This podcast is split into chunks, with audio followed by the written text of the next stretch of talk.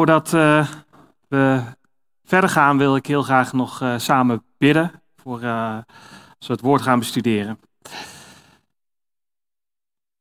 Vader in de hemel, grote God,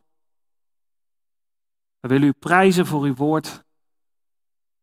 We willen u prijzen voor wie u bent. We danken u voor uw woord. We danken u voor de Heilige Geest die u geeft. Heer, we willen u vragen, Heer, wilt u ons alstublieft helpen om te zien wat uw woord is, wat uw woord voor ons zou moeten betekenen. En Heer, dat we er onder de indruk mogen zijn van wie u bent en een verlangen mogen hebben om u te leren kennen. Dat u mij helpen om uw woorden te spreken. Wilt u mij helpen om u te laten schitteren, uw woord te laten schitteren, ook vandaag weer. Wilt u ons helpen onze aandacht erop te gevestigd te houden, Heer, en dat we dat dit alles tot uw eer mag zijn. Dat vragen we zo in Jezus' naam. Amen. Wij, uh, ja, we zijn al een tijdje bezig met uh, um, het onderwerp uh, Gods Woord. We hebben gekeken naar de betrouwbaarheid van Gods Woord. We hebben gekeken naar het gezag van Gods Woord. En um, we hebben ook gekeken vorige keer naar hoe interpreteer je het woord van God. Nou, en daarin, het onderwerp van vandaag ligt er heel erg tegenaan. Want de interpretatie van, van, uh, van het woord van God en, en hoe je het toepast, dat, uh, dat hangt heel erg ja, dicht bij elkaar. Um, als je het namelijk niet goed interpreteert, dan kun je het ook niet goed toepassen. Um, en je kunt het goed interpreteren, maar niet toepassen. En dan heb je daar ook niks aan. En daar zullen we uh, vandaag wat, wat meer bij stil gaan staan. Maar ik wil nog eerst even een stukje terugkijken naar ja, waar we eigenlijk geweest waren. Waar we het al over gehad hebben. Namelijk het gezag van Gods woord. En het besef dat um, de Bijbel echt volledig het woord van God is. Niet alleen, zoals sommige mensen claimen, eh, het woord van God bevat en dat we dan maar eh, op zoek moeten gaan naar de stukjes die dan van God zijn. Nee, het is het onfeilbare woord van God. Um, en nou, we hebben deze tekst al bekeken in 2 Petrus 1, maar ik, ik wil hem nog een keer voorlezen, want het is ontzettend belangrijk om te beseffen uh, wat Petrus hierover schrijft in de tweede Petrusbrief. Dit moet u allereerst weten, dat geen enkele profetie van de schrift een eigenmachtige uitleg toelaat, want de profetie is destijds niet voortgebracht door de wil van een mens, maar heilige mensen van God, speciaal apart gezet door God, door de Heilige Geest gedreven, hebben gesproken. Het is niet zomaar dat iemand zelf bedacht van nou, ik zal eens een keer iets leuks gaan opschrijven, maar het is echt uh, God geweest die mensen gedreven heeft om op te schrijven wat ze hebben opgeschreven. En deze tekst, die kennen we ook, hè? 2 Timotheus 3 vers 16, maar dan wil ik even focussen op het eerste gedeelte, namelijk waar de Bijbel zegt: heel de schrift is door God ingegeven. En um, het woordje ingegeven um, is een beetje lastig te vertalen, maar dat betekent ook wel door God geademd. Um, en dat is eigenlijk een beetje te vergelijken met iemand die een muziekinstrument speelt. degene die het muziekinstrument speelt, die bepaalt welke tonen er gespeeld worden. Um, als uh, Jeremy op het podium staat en die staat uh, de gitaar aan te slaan, is als hij de gitaar goed aanslaat, dan komen daar de goede noten uit. Maar um, Wouter, die hier op de cajon zit te spelen, die zit op de cajon te spelen. De cajon is niet hetzelfde als um, de gitaar. Het klinkt misschien heel simpel, maar daar lijkt het eigenlijk een beetje op. God is eh, in die vergelijking is eigenlijk de muzikant. Hij heeft precies de juiste noten aangeslagen. Um, hij heeft de perfecte muziek zeg maar, gemaakt, namelijk het woord van God. En hij heeft daar mensen voor gebruikt. Mensen met een eigen karakter, mensen met een eigen uh, ja, identiteit. De ene was een herder, de ander was een koning, de ander was uh, uh, um, een soldaat, de ander was een visser. En die hebben eigenlijk allemaal een, soortje, een soort van andere tonen, andere muziek, zeg maar. Zo zie je ook door de hele Bijbel heen eigenlijk verschillende soorten uh, opgeschreven. Um, maar uiteindelijk is het allemaal het woord van God. Het is precies zo geworden zoals God wilde dat het werd. En als je kijkt hoe Jezus daarmee omging, dan zie je dat het echt tot op de details nauwkeurig en door God geïnspireerd is. Um, deze tekst hebben we ook al vaker bekeken, is dat de Heer Jezus op een gegeven moment zegt van totdat de hemel en de aarde voorbij gaan, zal er niet één jota of één titel van de wet voorbij gaan totdat het alles geschied is. En de jota is het kleinste lettertje in het Hebreeuwse alfabet. En, en eigenlijk wat Jezus hier zegt is van het is tot op de kleinste details zal alles vervuld gaan worden. Dus tot in de kleinste details is het de, de, de Bijbel door God geïnspireerd uh, en, en gezaghebbend. En dat gaat nog verder, want het gaat ook op basis van de tijdsvorm. Jezus haalt op een gegeven moment in Marcus 12, vers 26, um, ehm, haalt hij um, de Bijbel aan en dan zegt hij, hebt u niet gelezen in het boek van Mozes hoe God in de doornstruik tot hem sprak ik ben de God van Abraham en de God van Isaac en de God van Jacob. Hij is niet een God van doden, maar een God van levenden. Daarmee haalt hij een, een, een tekst, uit, aan, tekst aan uit Exodus 3, vers 6. En um, in zijn argumentatie daar, waar hij is in, gesprek met, met de mensen, legt hij uit dat God een God is dus van levenden en niet van doden. En dat komt omdat hij zegt het woordje ik ben de God van Abraham, Isaac en Jacob. Abraham en Isaac, uh, die waren al op dat moment dood. In ieder geval. Hè? Menselijk gezien waren ze dood, maar Jezus zegt nee. Uh, doordat het feit dat het daar in de Bijbel staat, ik ben de God van Abraham, Isaac en Jacob, en niet ik was de God van Abraham en Isaac en Jacob, uh, geeft hij aan van ja, maar wacht even, Abraham, Isaac en Jacob die leven. Die zijn gewoon opgestaan en die zijn gewoon bij God. Dus het is een God van levenden. Nou, daar zie je dat de Heer Jezus dus uh, de tijdsvorm van hoe het, uh, het woord in, het, uh, gewoon in de grondtekst stond, ook beschouwt als um, door God geïnspireerd. De apostelen gebruiken zelfs ook enkelvoud en meervoud kijken ze naar. Nou, Paulus is op een gegeven moment aan het redeneren en dan zegt hij van nou, zo zijn de beloften aan Abraham en aan zijn nageslacht gedaan. En dan staat er, hij zegt niet en aan de nageslachten, alsof er sprake zou zijn van velen, maar van één en aan uw nageslacht. Dat is Christus. En daar verwijst hij naar de tekst eh, in Genesis 22, vers 18, waarin God een belofte geeft. En in uw nageslacht zullen alle volken van de aarde gezegend worden, omdat u mijn stem gehoorzaam geweest bent. Dus hij zegt daarvan, het woordje staat daar in enkelvoud. En dat staat daar met een reden in het enkelvoud. Dat heeft een betekenis. Het verwijst naar Christus. Zo nauwkeurig is het woord van God. En het gaat zelfs nog verder. Het gaat ook op woordvolgorde en woordbetekenis. In de Hebreeënbrief legt de schrijver van de Hebreeënbrief op een gegeven moment uit. Deze Melchizedek was koning van Salem, een priester van de Allerhoogste God. En dan gaat hij over hebben over in de eerste plaats was hij, al dus de vertaling van zijn naam, koning van de gerechtigheid. En verder was hij ook koning van Salem, dat is koning van de vrede. Dan verwijst hij naar uh, een, uh, een tekst in Genesis 14, vers 18 waarin staat, en Melchizedek, de koning van Salem, bracht brood en wijn. Hij was een priester van God de Allerhoogste. Dat is een tekst waar je misschien zo overheen zou lezen. Um, maar de schrijver van de Hebreeënbrief zegt, ja maar wacht even, er zit hier er zit die woordvolgorde in. Eerst staat er Melchizedek, daarna staat er koning van Salem. Hij haalt betekenis uit de betekenis van de naam Melchizedek en de uh, koning van Salem.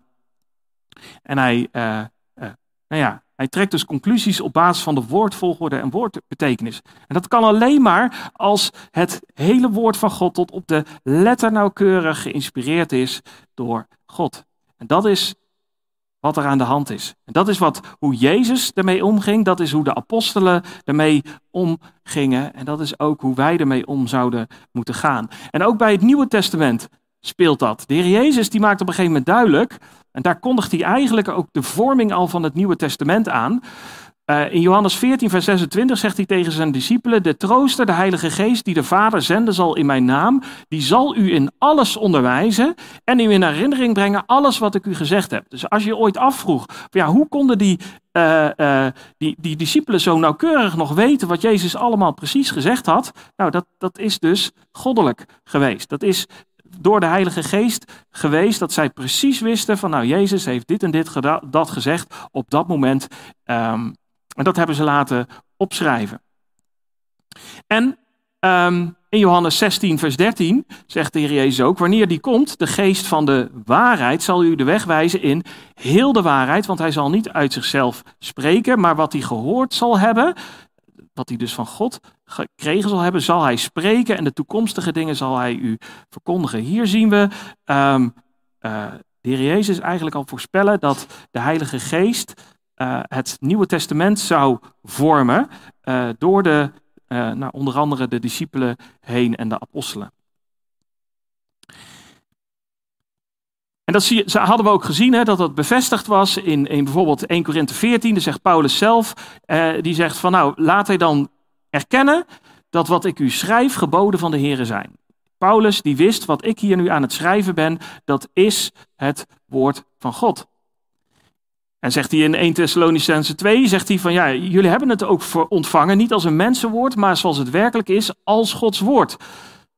Hij zegt dat, dat klopt ook. Het is Gods woord wat ik nu naar jullie schrijf.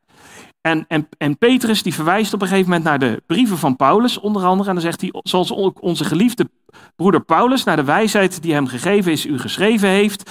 Nou, en dan maakt hij duidelijk dat, zoals ook in alle brieven waarin hij deze dingen te sprake brengt, daaronder zijn sommige zaken die moeilijk te begrijpen zijn. Dus ook Petrus vond de brieven van Paulus wel eens moeilijk. Die de onkundige en onstandvastige mensen verdraaien tot hun eigen verderf, net als de andere schriften. Dus Petrus, die zette de brieven van Paulus op hetzelfde niveau als uh, de andere schriften van uh, de Bijbel. Nou, dit is wat we gezien hebben de afgelopen periodes. Dit is wat we gezien hebben van um, hoe God nauwkeurig is bezig geweest met de Bijbel. Hoe de Bijbel betrouwbaar is. Hoe de Bijbel tot op de, de, de letter nauwkeurig in de grondtekst uh, uh, uh, geïnspireerd is door God. Oftewel, het is letterlijk Gods heilige, onfeilbare woord. Maar, waarom dacht ik van het is nog eens even goed om daar nog eens bij stil te staan? Ik heb eigenlijk een vraag van, beseffen we wel genoeg de waarde van Gods woord? Als we zo mee bezig zijn geweest dat Gods woord betrouwbaar is, dat Gods woord tot op de letter nauwkeurig het woord is zoals God het heeft bedoeld. Gods woord. Wat betekent het dan voor ons? Ligt het dan gewoon in de kast? Als we werkelijk beseffen dat dit Gods woord is, hoe kunnen wij dan gewoon dat een hele week dicht laten?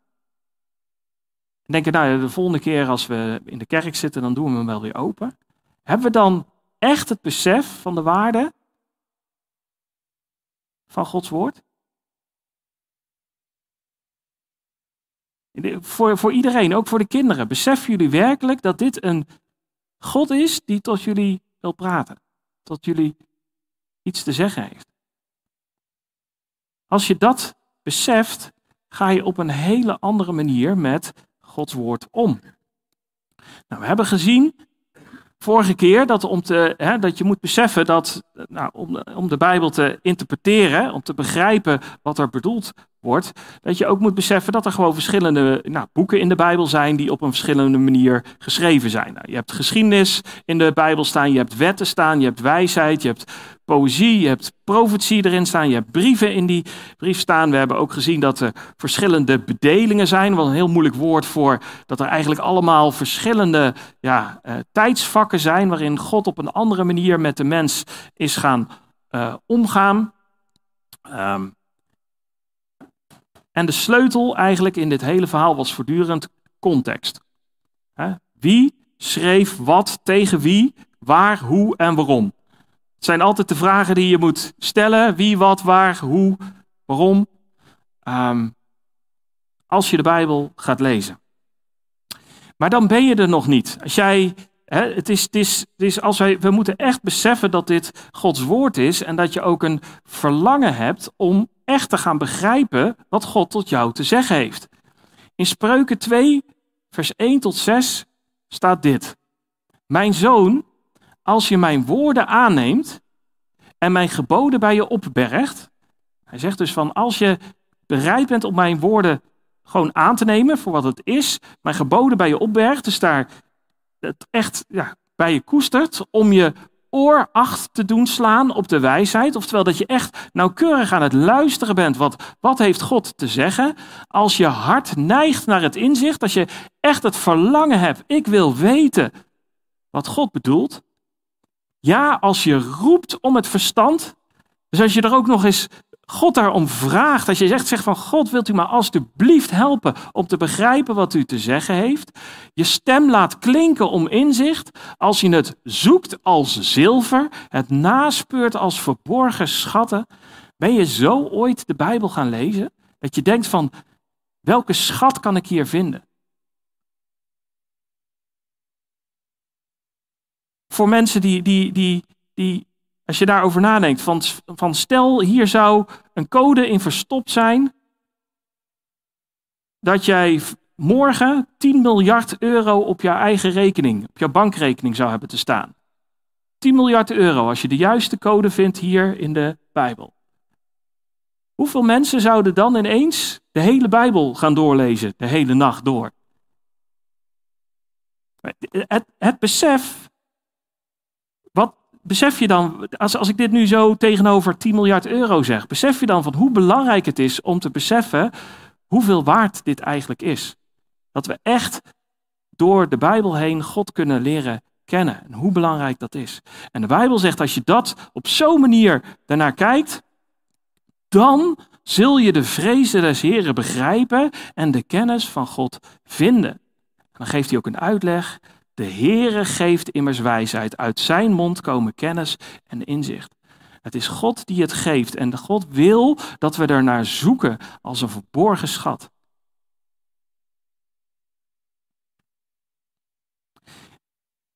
En als we op zo'n manier de Bijbel gaan lezen, als we ons uitgangspunt hebben, dit is het, on, dit is het heilige, onfeilbare woord van God. En we gaan dan zoeken naar de juiste interpretatie. En dat, ik, ik vind dit denk ik de mooiste omschrijving, is dat we dan met de juiste houding zoeken naar de betekenis die de auteur geleid door God heeft willen communiceren naar de mensen aan wie het geschreven was. Beseffen dat God de eigenlijke auteur is. Dat is eigenlijk wat we doen, is dat we aan het zoeken zijn van, nou, stel we hebben een brief van Paulus, dat we gaan zoeken, wat probeerde Paulus over te brengen aan de mensen aan wie hij die brief schreef. En dan beseffend dat God het is die de auteur is van de Bijbel. Dus God heeft met een reden ervoor gezorgd dat deze brief in de Bijbel is gekomen. Dus hij heeft ook een betekenis voor ons. En de brieven van Paulus, die waren ook duidelijk, ook door de brieven zelf heen kwam dat eruit voort. In Colossense 4 vers 16 bijvoorbeeld, waren ze de bedoeling dat die voorgelezen werden in andere gemeenten. Dus zo had God het ook uh, gedaan, dat Paulus zo die brieven schreef. En de geschiedenis van Israël is ook voor ons te lering. Dus wat we eigenlijk moeten beseffen is dat um, God, zeg maar, door zijn woord heen ons richting wil geven, ons wil bemoedigen, ons opdrachten geeft, ons uitdaging geeft, ons vertroosting wil geven, onze overtuiging wil geven van wie Hij is en wat Zijn beloften zijn en dat we echt Hem mogen vertrouwen en in Hem kunnen geloven. Dat is wat God door Zijn woord wil geven in ons leven. Nou, dan geeft de Bijbel bijvoorbeeld ook als we dan gaan kijken van ja, hoe kunnen we dan de Bijbel, hè, de, Bijbel interpreteren en toepassen van bijvoorbeeld geschiedenissen, nou, dan maakt de Bijbel duidelijk van dat de dingen die bijvoorbeeld Israël zijn overkomen, dat die zijn gebeurd als voorbeelden voor ons. Dus God heeft, daar lijkt het op in ieder geval, als ik dit goed interpreteer, um, Israël echt gewoon speciaal bepaalde dingen laten overkomen, zodat wij er ook lering uit zouden uh, krijgen. Als voorbeeld voor ons. Opdat wij niet zouden verlangen naar kwade dingen zoals ook zij verlangd hebben. Zodat er iets zou veranderen in ons leven. Dat we een ander verlangen zouden krijgen. En deze dingen zijn hun overkomen als voorbeelden voor ons. En ze zijn beschreven, ze zijn ook nog eens opgeschreven als waarschuwing voor ons. Nou, dat zegt de Romeinen 15 eigenlijk ook. En dan zegt hij ook van dat het geschreven is als tot onderwijzing voor ons, opdat wij in de weg van volharding en vertroosting door de schriften de hoop zouden behouden. Dus het is uh, voor vertroosting, het is om vol te houden. Maar de Heer Jezus maakt ook duidelijk dat het Oude Testament ook de geschiedenissen um, in al de schriften, dus ook in, in, in, de, in de wet van Mozes, maar ook in de geschiedenis en ook in de wijsheid, eh, zoals de psalmen en de spreuken en, en eh, in, in, in eh, de profeten, allemaal over Jezus geschreven was. dan legt hij dat verder uit. En dan was dat cruciale stuk. Toen opende hij hun verstand, zodat zij de schriften begrepen. We hebben het nodig dat God ehm, ons helpt om te begrijpen wat uh, wat de Bijbel zegt. Nou, als we dan eens naar een voorbeeld kijken. We kennen allemaal het overbekende verhaal van Jozef. Ja, Jozef. Jozef die in de put gegooid wordt. Oké, nou, hoe ga je nou om om uh, zo'n zo'n zo'n Bijbelverhaal te interpreteren en toe te passen? Nou, een paar, paar tips uh, eigenlijk opgeschreven. Van, ga, ga eerst gewoon eens kijken, wat gebeurt er nou eigenlijk allemaal? Ga de Bijbel nauwkeurig lezen, wat gebeurt er feitelijk? Je zult je, uh, je verbazen hoeveel dingen er in de Bijbel staan die nooit verteld zijn op de zondagschool. Dus, dus denk niet dat je dat met je zondagschoolverhaaltje er komt. Nee, de, de, ga gewoon de Bijbel lezen. Wat staat er eigenlijk allemaal? Maar ga bijvoorbeeld ook nadenken, wat was de directe impact, wat waren de gevolgen van die geschiedenis op Jacob en zijn zoon? Dat is gewoon een hele goede vraag om te stellen van, wat gebeurde daar nou eigenlijk? En, en, en hoe reageerde iedereen in die geschiedenis op de dingen die gebeurden? Dus kijk eens naar Jozef, kijk eens naar Potifar, kijk eens naar Potifars vrouw, kijk eens naar de farao, kijk eens naar Jacob, kijk eens naar de broers. Als je daar gewoon eens over na gaat denken, zul je erachter komen dat er heel veel in uh, die geschiedenis zit. En dan probeer je te verplaatsen in hun omstandigheden. Ik weet niet of je je wel eens verplaatst hebt in Jozef. In de put. Uit de put gehaald. Denkt hij, hè? Wordt hij verkocht als slaaf? Denk woe. Komt hij in een huis? Nou, gaat hij best wel goed. Uh, nou, komt hij weer in de problemen, wordt hij in de gevangenis gegooid. Allemaal buiten zijn schuld om. Hij heeft er niks aan, aan gedaan. Nou, komt hij mensen tegen, die, die, die, die, die, die legt hij zijn droom uit en dan zegt hij, oh, misschien kom ik er nou uit. Kan hij nog een paar jaar in de gevangenis blijven zitten, terwijl ze hem vergeten? Verplaats je eens in hun omstandigheden. Wat deden ze wel of was juist staat op, niet opgeschreven wat ze deden? Is het wel eens opgevallen in het verhaal van Jozef, dat er nergens staat dat Jozef aan het klagen was? Terwijl dat wel een hele natuurlijke reactie zou kunnen zijn van Jozef. Je zag juist heel ander gedrag bij Jozef.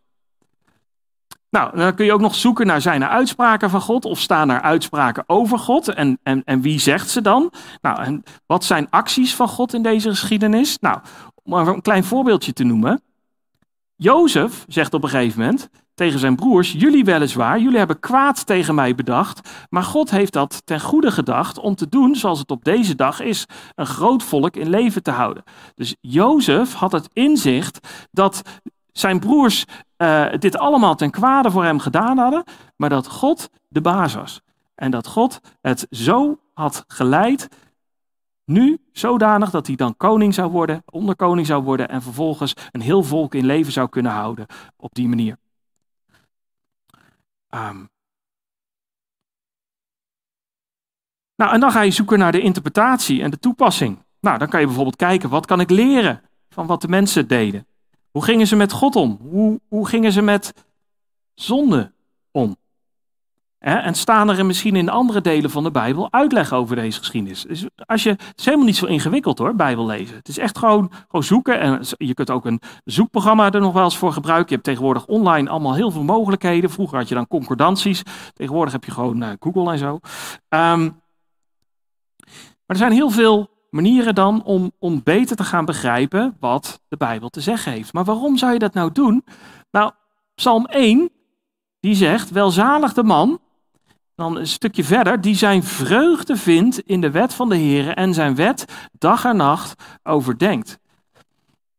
Dat woordje overdenken, dat, dat is iets van, dat kan ook wel vertaald worden hè, met mediteren, maar dat is dan niet het mediteren zoals mensen dat dan kennen uit de Oosterse occulte uh, uh, dingen, maar gewoon heel goed nadenken over wat staat er nou eigenlijk. Gewoon mee bezig zijn. Echt mee bezig zijn. Van oké, en, en wat kan ik daar dan mee? Die vragen stellen die we hier eigenlijk allemaal zo noemden. Dat je echt gaat proberen te begrijpen, wat gebeurde daar nou eigenlijk? En, en, en uh, hoe moet ik dat interpreteren en dan uiteindelijk toepassen? Dus bijvoorbeeld, ik heb het even een stukje voorwerk gedaan. Um, wat we kunnen leren uit het verhaal, uit de reactie van Jozef, is dat op het moment dat Potifars vrouw bij hem komt en zegt: Ik wil met jou slapen, ik wil met jou naar bed. En niet om uh, eventjes. Uh, nou ja, goed, anyhow. Um, weten allemaal wat hij wilde doen. Um, maar dan zegt, ziet uh, Jozef zegt van. Jozef weigerde en zei tegen de vrouw van zijn heer: Hoe zou ik dan dit grote kwaad kunnen doen en zondigen tegen God? Let erop, elk woord is door God geïnspireerd. Um, is, is nauwkeurig opgeschreven. En je ziet hier Jozef iets heel belangrijks zeggen. Jozef die zegt van, hoe zou ik, we zouden verwachten dat hij zou zeggen, hoe zou ik zondigen tegen, de, tegen mijn baas, Potifar. Die zou het niet leuk vinden dat hij naar bed ging met zijn vrouw. Nee, maar hij beseft dat het is zondigen tegen God. Nou, vervolgens zie je dat hij zijn bij zijn kleed pakte en ze zei: Nee, slaap met me. En wat doet Jozef dan? Hij liet zijn kleed in haar hand achter, hij vluchtte en ging naar buiten. En wat kun je daaruit leren? Je kunt kijken naar het goede voorbeeld van Jozef. Jozef was zo vastberaden om niet te zondigen, dat op het moment dat hij in de hoek geduwd werd, op het moment dat er geen andere mogelijkheid meer was, uh, die vrouw bleef maar aandringen. En, en, en dit was het moment dat hij echt een keuze moest maken van, want anders zou hij in de problemen, uh, hè, anders zou, zijn vrouw, uh, zou, zou die vrouw hem hebben kunnen verleiden, misschien zelfs wel. Dan zie je dat hij zijn kleed achterliet en vluchtte en ging naar buiten. Jozef rende voor de seksuele verleiding. Nou, wat, wat kun je dan, als je dan naar kijkt naar je eigen leven, denk je van oké, als er seksuele verleiding op me afkomt, of dat nou is in, het, in real life of, of op het internet, wat moet je doen? Vluchten. Simpelweg toepassen van het goede voorbeeld wat je Jozef ziet. Toepassen. Wat zie je Jozef nog meer doen? Je ziet Jozef empathie tonen. Inleven in een ander. En een ander belangrijker achter. Jozef zat in de gevangenis. Besef, hè, hij zat daar onschuldig in de gevangenis. En, en, en mocht hij op een gegeven moment wel allerlei uh, dingen doen. Hij mocht helpen, hij mocht werken erin. Maar toen kwam Jozef op een gegeven moment een paar, bij een paar gevangenen. En dan staat er, en zie, ze waren te neergeslagen. Ze waren heel verdrietig. Hij zag dat. Hij zag dat ze verdrietig waren. En in plaats van dat hij ging klagen, ja, ik heb het ook verdrietig, hè, boh, ik heb het allemaal zo zwaar. Nee, hij vroeg aan hun, Waarom staan uw gezichten vandaag zo treurig? Hij dacht even niet aan zijn eigen ellende waar hij in zat. Nee, hij ging vragen aan hun: hoe komt het nou dat jullie zo verdrietig zijn? Nou, en in verder, eh, in het einde van het hoofdstuk, zie je bijvoorbeeld terugkomen dat, ze, dat zijn broers zijn op een gegeven moment bang voor hem geworden, want zijn vader is dood. En ze dachten eigenlijk nog steeds heel erg slecht over hem. En ze dachten, en nu gaat Jozef ons doden. En dan, dan zegt hij, nee, wees niet bevreesd. Ik zelf zal jullie en jullie kleine kinderen onderhouden. Dus hij zegt van nee, ik, ik zal voor jullie zorgen. En dan staat er, en zo troostte hij hen en sprak hij naar hun hart. Hij begreep dat ze troost nodig hadden en hij leefde zich in en, en, en, en, en hielp ze. een goed voorbeeld wat je kunt zien. En dan kun je, dan kun je dat zien en dan kun je denken, Heer God, zo wil ik ook zijn. Wilt u me alstublieft helpen? Wilt u me laten zien welke mensen in de omgeving, in mijn omgeving, dat misschien nodig hebben? Misschien mijn buurman, misschien mijn buurvrouw. En dan heb je natuurlijk ook bijvoorbeeld de algemene waarheid die je erin terug ziet komen. Hè? Ook al lijken de omstandigheden slechter te worden als je het goede doet, want dat ging alleen maar slechter met Jozef. En Jozef kon er niks aan doen. Maar vergeet dan niet dat God bij je is als kind van God.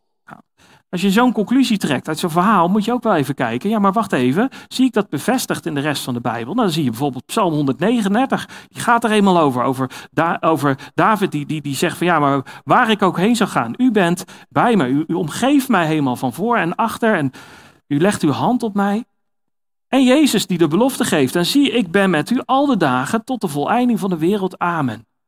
Als Jezus dat zelf zegt, um, wat een belofte hebben we dan? Hoe kunnen wij ons dan uh, identificeren met Jozef? Misschien als het soms heel moeilijk wordt, terwijl we het allemaal het goede doen. En dan vasthouden aan de belofte van ook de Heer Jezus. Zie, ik ben met u al de dagen van het leven.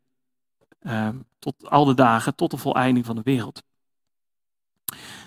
En dan is er nog iets wat in het verhaal zit. De Heer Jezus legde ook uit um, dat heel veel dingen in het Oude Testament allemaal naar de Heer Jezus verwezen. Is jou wel eens opgevallen, als je in het verhaal van Jozef gewoon eens gaat uitpluizen, van wat gebeurde nou eigenlijk allemaal met Jozef? Ik zal het eens even allemaal zo opnoemen en dan kijken of er bij jullie in je hoofd gewoon ineens verbanden beginnen te liggen. Jozef, die werd door zijn broers afgewezen en overgegeven uit jaloezie. Jozef deed het goede, maar eindigde in de gevangenis. Jozef werd door Gods ingrijpen onderkoning gemaakt. Bij de eerste ontmoeting herkende Jozef, herkenden de broers Jozef niet als koning. Jozef toetste hen of ze zich bekeerd hadden. De tweede keer maakte Jozef zichzelf bekend aan zijn broers. Jacob, slash Israël, want zo was zijn andere naam, wilde het eerst niet geloven, maar toen hij de bewijzen zag, geloofde ook Jacob. Vervolgens was Israël onder het bewind van Jozef in Egypte. Jozef erkende dat het God was die alles had bestuurd, ook al hadden de broers het slecht bedacht, het was ten goede.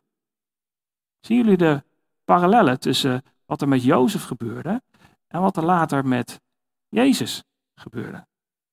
Hoe het leven van Jozef eigenlijk al een vooruitwijzing was naar Jezus en hoe Jezus afgewezen zou worden door zijn eigen broeders. Door Israël is Jezus afgewezen in eerste instantie. Ze hebben hem overgeleverd aan de Romeinen. Ze hebben hem laten kruisigen. En straks gaat er een moment komen dat Jezus zich opnieuw zal gaan laten zien aan de Joden. En dan zullen de Joden, dan zal Israël geloven. Wat bijzonder wat je eigenlijk allemaal al die parallellen al terugziet in de geschiedenis van Jozef. Maar we moeten wel oppassen voor oververgeestelijking.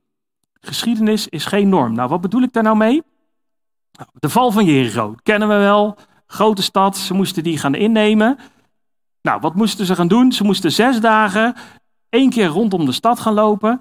En dan moesten er zeven priesters voor de ark en dan zeven ramsbezuinen. En dan de zevende keer moesten ze zeven keer rondom de stad uh, uh, gaan. En dan heel hard uh, toeteren de laatste keer. En dan juichen. En dan de muur zou instorten. En dan zouden ze de stad kunnen innemen. Een stad die onneembaar leek, moesten ze op deze manier innemen.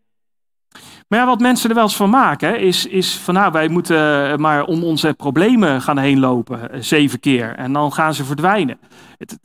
Philip vertelde het verhaal dat er echt gebeurt in een kerk van jongens, legt allemaal jullie portemonneeën maar in het midden neer. En dan gaan we daar omheen lopen en dan gaan al onze geldproblemen gaan, uh, gaan, we laten verdwijnen.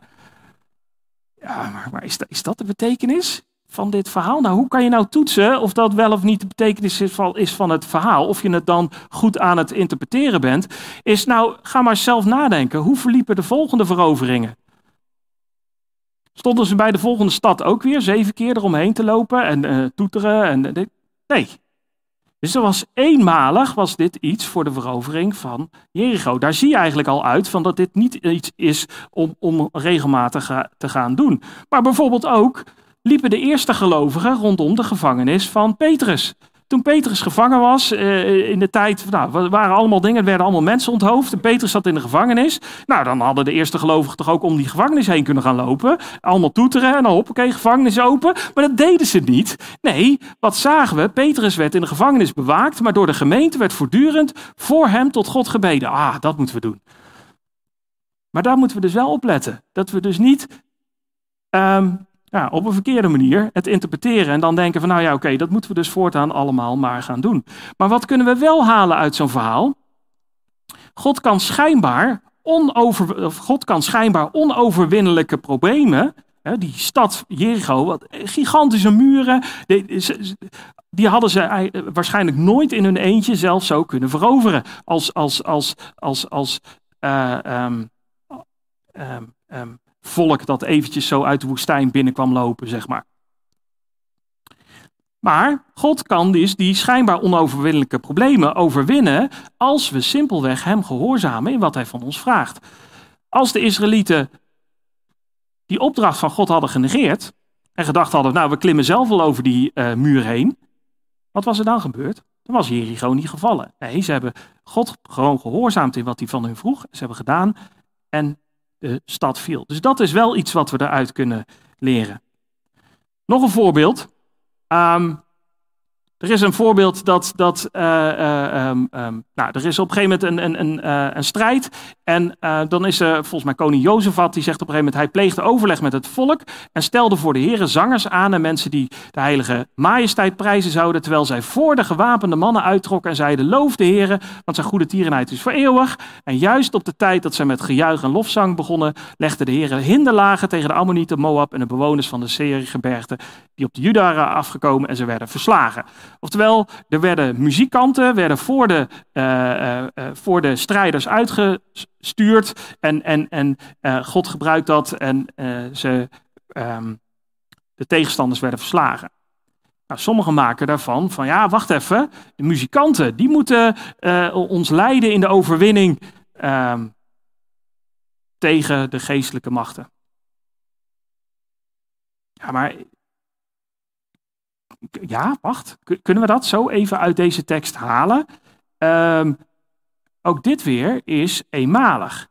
Dit is daarna, we zien nergens in de Bijbel dat volgens gebeuren dat ze dat elke keer deden. Dat ze elke keer de muzikanten voorop uh, leden. Dus je ziet nergens een opdracht daartoe. Je ziet in het Nieuwe Testament nergens een opdracht van de apostelen om dat op deze manier te doen.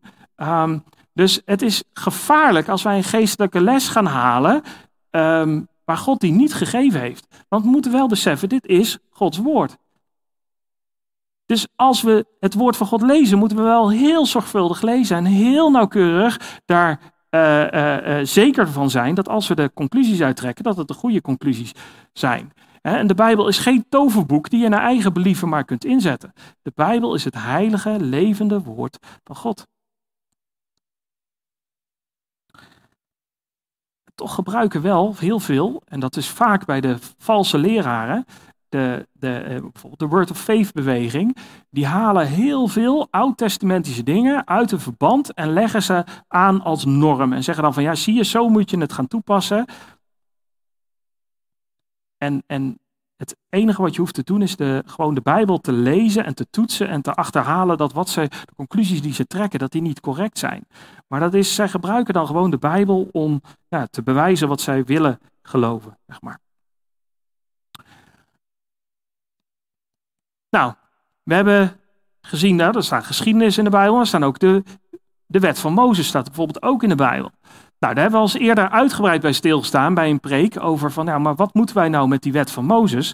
Maar je ziet bijvoorbeeld um, uh, gebeuren dat um, we daar wel wat mee kunnen. Hè? De, wet van Mozes is niet voor ons, wij vallen onder de wet van Christus. De wet, hè, de, nou, dat, als je meer wil weten, dat, dat is allemaal uitgelegd in de preek over de wet uh, van Mozes. Um, maar je ziet wel dat de apostelen wel gewoon de wet bekijken, bestuderen en daar principes uithalen. Paulus zegt op een gegeven moment: Wie dient ooit in het leger en betaalt zijn eigen soldij? Wie plant een wijngaard en eet niet van zijn vrucht? Of wie wijdt een kudde en voedt zich niet met de melk van de kudde? Spreek ik dit naar de mens of zegt ook de wet niet hetzelfde? Hij is aan het verdedigen. Hij zegt van ja, ik breng jullie het woord van God. Dus ja, jullie zouden eigenlijk ook mij gewoon moeten betalen daarvoor. Ik, ik stop er tijd in, ik stop er werken, ik, ik doe er enorm veel moeite voor. Dus het is niet raar dat jullie gewoon mij ondersteunen in mijn levensonderhoud. En daar legt hij uit dat het eigenlijk gewoon is dat sowieso mensen, mensen die het evangelie brengen, van de opbrengst moeten, uh, ja, die gewoon moeten leven van wat, wat de, de, de gelovigen hun uh, geven. En dan trekt hij, een, um, trekt hij een conclusie eigenlijk uit de wet van Mozes. Zegt hij, in de wet van Mozes staat geschreven, u mag een dorsende os niet melkbanden. Nou, dat is heel fijn, hij zegt van ja, nou oké, dus een dorstende os die, die, die eten was aan het, uh, die, die uh, ondertussen aan het werken was, mocht ondertussen gewoon eten. En dat mocht niet gemalband worden. Je mocht niet voorkomen dat hij uh, ook een beetje at. En dan trekt hij de conclusie eruit. Bekommert God zich alleen maar om de ossen of zegt hij het vooral om ons? Jawel, om ons is dit geschreven dat wie ploegt in hoop hoort te ploegen en dat wie in hoop dorst het deel waarop hij hoopt hoort te krijgen. Als wij bij u het geestelijke gezaaid hebben, is het dan te veel als we van u het stoffelijke oogsten. Nou, lees dat stuk nog maar eens uh, verder, maar um, hij, hij, trekt gewoon een principe uit de Bijbel. Hij leest nauwkeurig de Bijbel en hij zegt van ja, volgens mij is, is wat, wat daar staat over die ossen, is een principe wat God bedoeld heeft om uh, uh, toe te passen ook op de geestelijke arbeid. Dus hij herkent een geestelijk principe. Nou, hetzelfde gaat eigenlijk voor de wijsheid. Hè, bijvoorbeeld een, het, het, boek Psalmen. Um, prachtig, zo'n zo, zo boek. Als we dat nou eens lezen, Psalm 25. Goed en waarachtig is de Heer, daarom onderwijst hij zondaars de weg. Hij leidt zachtmoedigen in het recht. Hij leert zachtmoedigen zijn weg. Wat kun je daaruit leren? Hoe kun je dat nou toepassen? Hij leidt zachtmoedigen in het recht, hij leert zachtmoedigen zijn weg. Als de Bijbel dat zegt, dan zegt hij, als je weet van ah, hij leert zachtmoedigen zijn weg, dan, dan mag onze houding zijn, dan wil ik dus zachtmoedig zijn. Want ik wil de weg van God weten. Alle paden van de Heer zijn goede tierenheid en trouw voor wie zijn verbond en zijn getuigenissen in acht nemen. Als we luisteren naar God. Omwille van uw naam, heren, vergeef mijn ongerechtigheid, want die is groot. Wie is de man die de Heere vreest? Hij onderwijst hem in de weg die hij moet kiezen. Dus we krijgen hulp van God als wij de Heere vrezen in alles wat we doen. Zijn ziel overnacht in het goede, zijn nageslacht zal de aarde bezitten. Hé, hey, maar daar is een opvallende. Even beseffen dat de psalmen zijn geschreven in de bedeling zeg maar, van Israël is geschreven aan een volk, aan een aards volk, een fysiek volk met een fysiek land als belofte, met fysieke zegeningen en een verbond en een wet, de wet van Mozes, speciaal voor hen. Dus als de belofte er is in de psalmen, zijn nageslacht zal de aarde bezitten, dan is dat volgens mij een fysieke belofte voor Israël gewoon daadwerkelijk. En iedereen die dat las, die wist dan van ja, oh dan zal het mij hier goed gaan op aarde. Maar de toepassing die er voor ons is, is dat het een geestelijke belofte is. Want wij zijn een geestelijk volk met een geestelijke erfenis uh, en een geestelijke uh, toekomst. Um, maar dan zie je bijvoorbeeld, vertrouwelijk gaat de Heer om met wie hem vrezen. Zijn verbond maakt hij hun bekend. Zo'n belofte mag je gewoon ook direct toepassen op jou. Dan mag je weten van, vertrouwelijk gaat de Heer om met wie hem vrezen. Dus God wil een relatie met je. Maar daar zit wel vast, daaraan vast dat je eerbied, eerbied moet hebben voor hem, ontzag voor hem. En kijk maar eens hoe, Paulus, of hoe eh, Petrus omging met wat, wat bijvoorbeeld in dit geval dan David schreef. Mannenbroeders, dit schriftwoord moest vervuld worden dat de Heilige Geest bij monden van David van tevoren gesproken heeft. Dus ook de psalmen uh, worden eh, worden gezien als geïnspireerd door God, als door de Heilige Geest gesproken. Nou. Wat zie je nog meer soms in de psalmen terugkomen? Verdelg mijn vijanden om uw goede tierenheid. Breng allen om die mijn ziel benauwen, want ik ben uw dienaar. David eh, mocht dit bidden. David mocht bidden, verdelg mijn vijanden. Ehm, want David had ook de opdracht gekregen om daadwerkelijk volken uit te roeien uh, die, die, die, die zondigden, zwaar zondigden tegen God. En dan God had gezegd, die gaan jullie verdrijven. Um, dat, dat, dat was David zijn taak.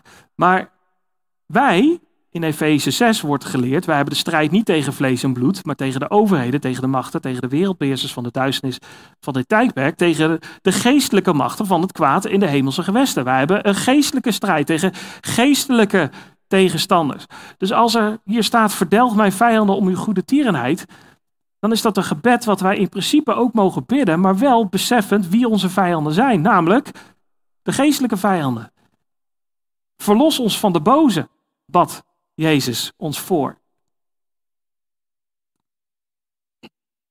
Want we hebben ook op andere plekken zien we ook dat we bijvoorbeeld de opdracht krijgen om juist voor onze uh, vijanden, voor onze fysieke vijanden te bidden, om ze te zegenen. Um, maar ik denk dat we gewoon even moeten stilstaan. Beseffen we genoeg de waarde van Gods woord? Genoeg om erin te zoeken naar verborgen schatten en toe te passen om te leren.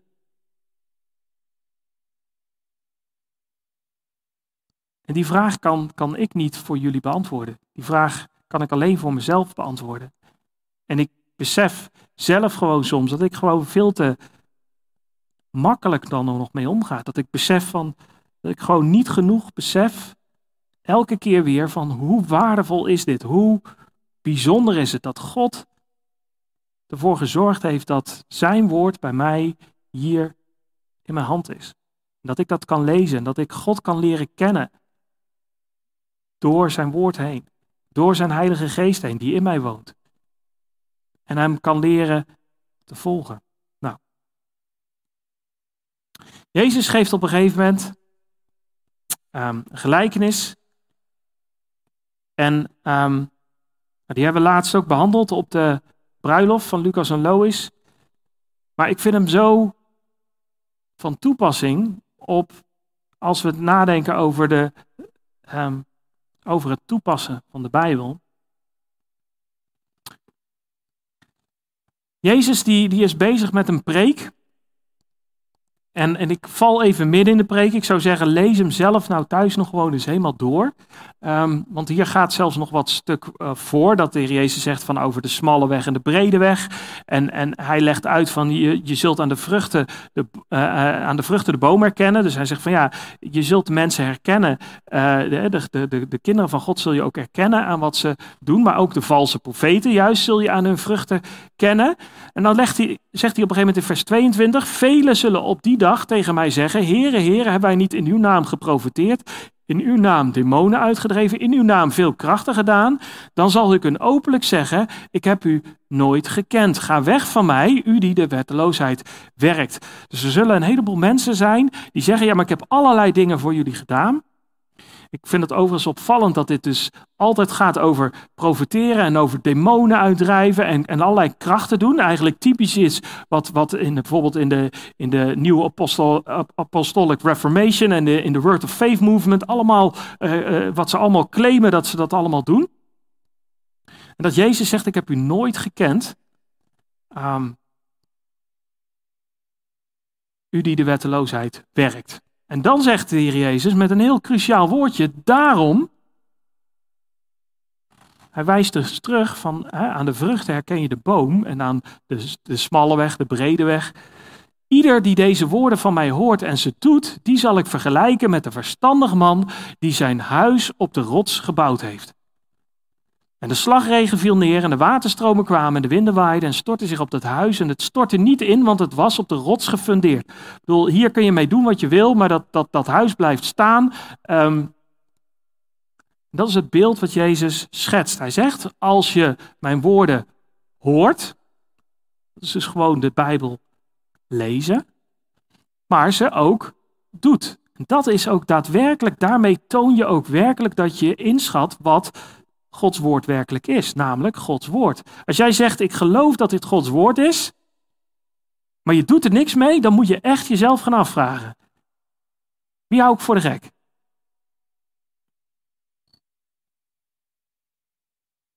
Maar ieder die deze woorden van mij hoort, dus ieder die ze hoort, misschien zondags in de kerk, misschien dat je ze leest in de Bijbel, maar ze niet doet, dus vervolgens negeert wat daar staat, is een dwaasman. Zal met een dwaze man vergeleken worden die zijn huis op zand gebouwd heeft. Dat gaat niet goed aflopen.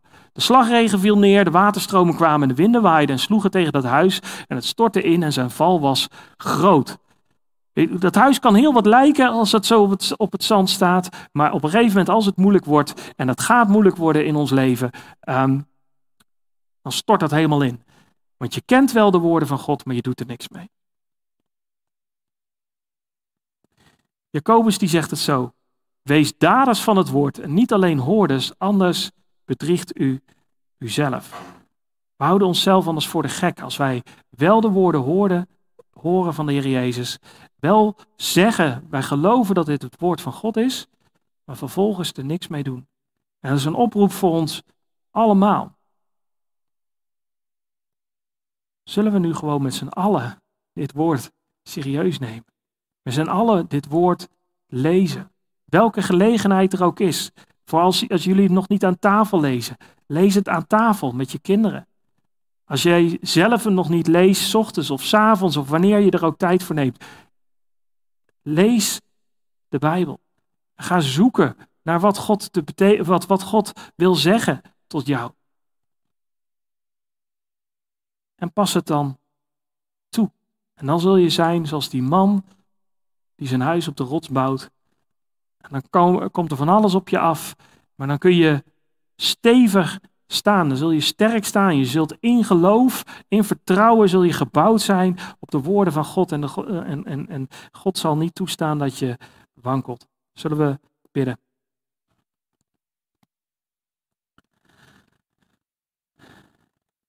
Vader in de hemel, grote God, Dank u wel voor uw woord. Dank u wel dat u zoveel van ons houdt, dat u uw eigen zoon heeft gegeven. Dat een ieder die in hem gelooft niet verloren gaat, maar eeuwig leven heeft. Dank u wel dat u bent gekomen om ons het eeuwige leven te geven. Dank u wel dat u gekomen bent om u te laten kennen door ons. Dank u wel, Vader, dat we u mogen leren kennen. Niet alleen straks in de hemel, als we bij u zullen zijn in de nieuwe hemel en de nieuwe aarde, maar ook nu al. Heer, we beleiden dat we soms zo makkelijk ermee omgaan. Met die rijkdom die we voor, voor, onze, voor het grijpen hebben hier. En Heer, ik, bid voor ons allemaal dat we de honger zullen hebben naar uw woord. Zoals zoveel christenen die in, vervolg, in vervolging leven en soms met, met, met, met tien man één Bijbel moeten delen, er zo naar verlangen om uw woord te kennen en te lezen. En wij hebben misschien wel honderden Bijbels bij ons thuis liggen, Heer. En wat doen we ermee? Heer, ik bid u. Wilt u ons hongerig maken? Wilt u ons helpen bij het lezen van uw woord? Dat we door gewoon daar echt over na te denken, rustig te lezen, bidden te lezen. Dat we het mogen begrijpen, Heer. En als we het begrepen hebben, Heer, dat we het ook mogen toepassen. Wilt u ons elke dag weer alstublieft helpen daarbij? Heer, ik dank u zo dat we de Heilige Geest hebben gekregen, Heer, die ons wil leiden in heel de waarheid. Heer, wilt u dat zo doen voor ons allemaal, Heer. Niet, uit, niet dat we het verdienen, Heer, maar uit genade. In Jezus' naam. Amen.